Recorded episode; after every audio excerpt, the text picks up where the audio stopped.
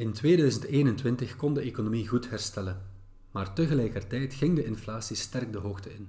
En die hogere inflatie baart steeds meer zorgen. De traditionele methode om de inflatie te doen zakken is het voeren van een strenger monetair beleid. En dat is wat er vorige week gebeurd is.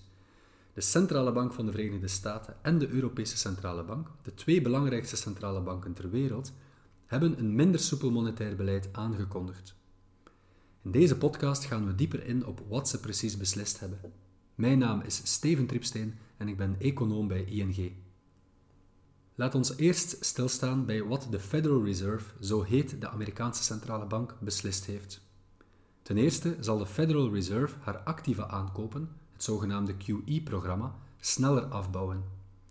Eerder had ze gecommuniceerd dat ze tegen mei 2022 geen activa zou kopen met nieuw gecreëerd geld.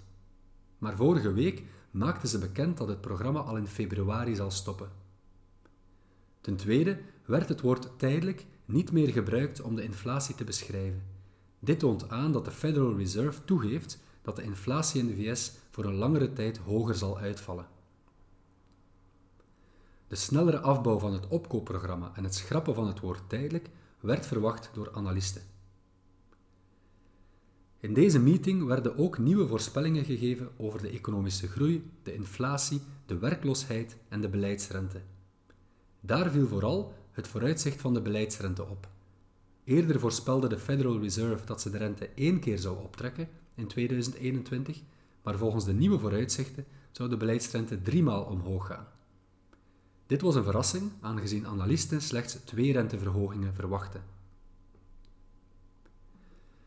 In de eurozone zien we een gelijkaardige beweging van de Europese Centrale Bank, ook al zal het monetaire beleid er minder snel verkrappen dan in de VS.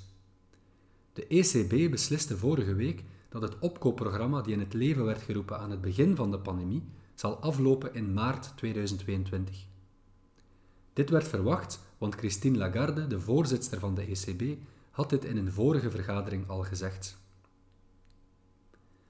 Indien dit programma stopt, dan zouden de maandelijkse actieve aankopen sterk terugvallen, van ongeveer 80 miljard naar 20 miljard euro.